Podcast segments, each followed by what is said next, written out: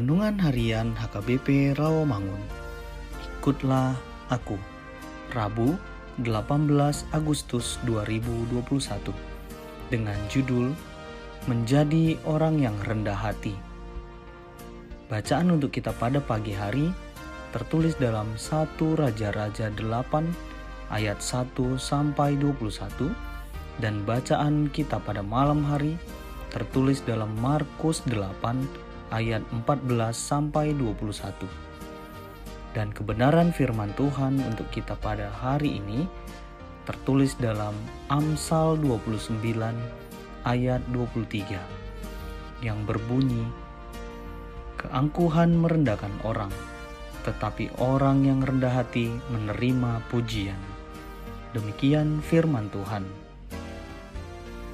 Setiap orang pasti selalu ingin hidupnya terus dipuji, diperhatikan, dan diprioritaskan. Hal ini dapat menjadi suatu kebutuhan dalam kehidupan manusia.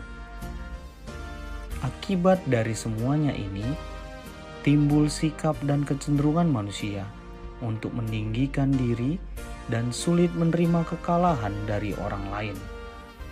Sepertinya pada saat sekarang ini sangat sulit menemukan orang yang benar-benar senantiasa memiliki kerendahan hati karena banyak orang berpikir bahwa jika terus dalam rendah hati, maka orang itu harus siap pamornya akan turun atau dipandang sebelah mata oleh orang lain.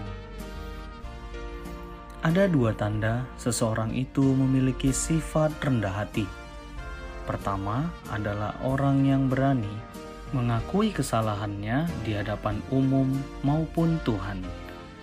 Perilaku jujur atas segala kesalahan ini menggambarkan pola hidup yang terbuka di hadapan Tuhan. Jangan menyembunyikan kesalahan dan bersikap munafik untuk menutupinya, karena Tuhan tahu apa yang kita lakukan dan yang kedua adalah mau belajar dan diajar. Proses belajar dan diajar dapat terjadi melalui pendidikan dan juga pengalaman hidup. Ketika kita berinteraksi dengan orang lain, maka kita akan mendapatkan pelajaran yang berharga dari orang tersebut. Orang yang rendah hati tak akan pernah berhenti mengasihi sesamanya dan selalu menyadari kelemahan kekurangan, dan keterbatasannya.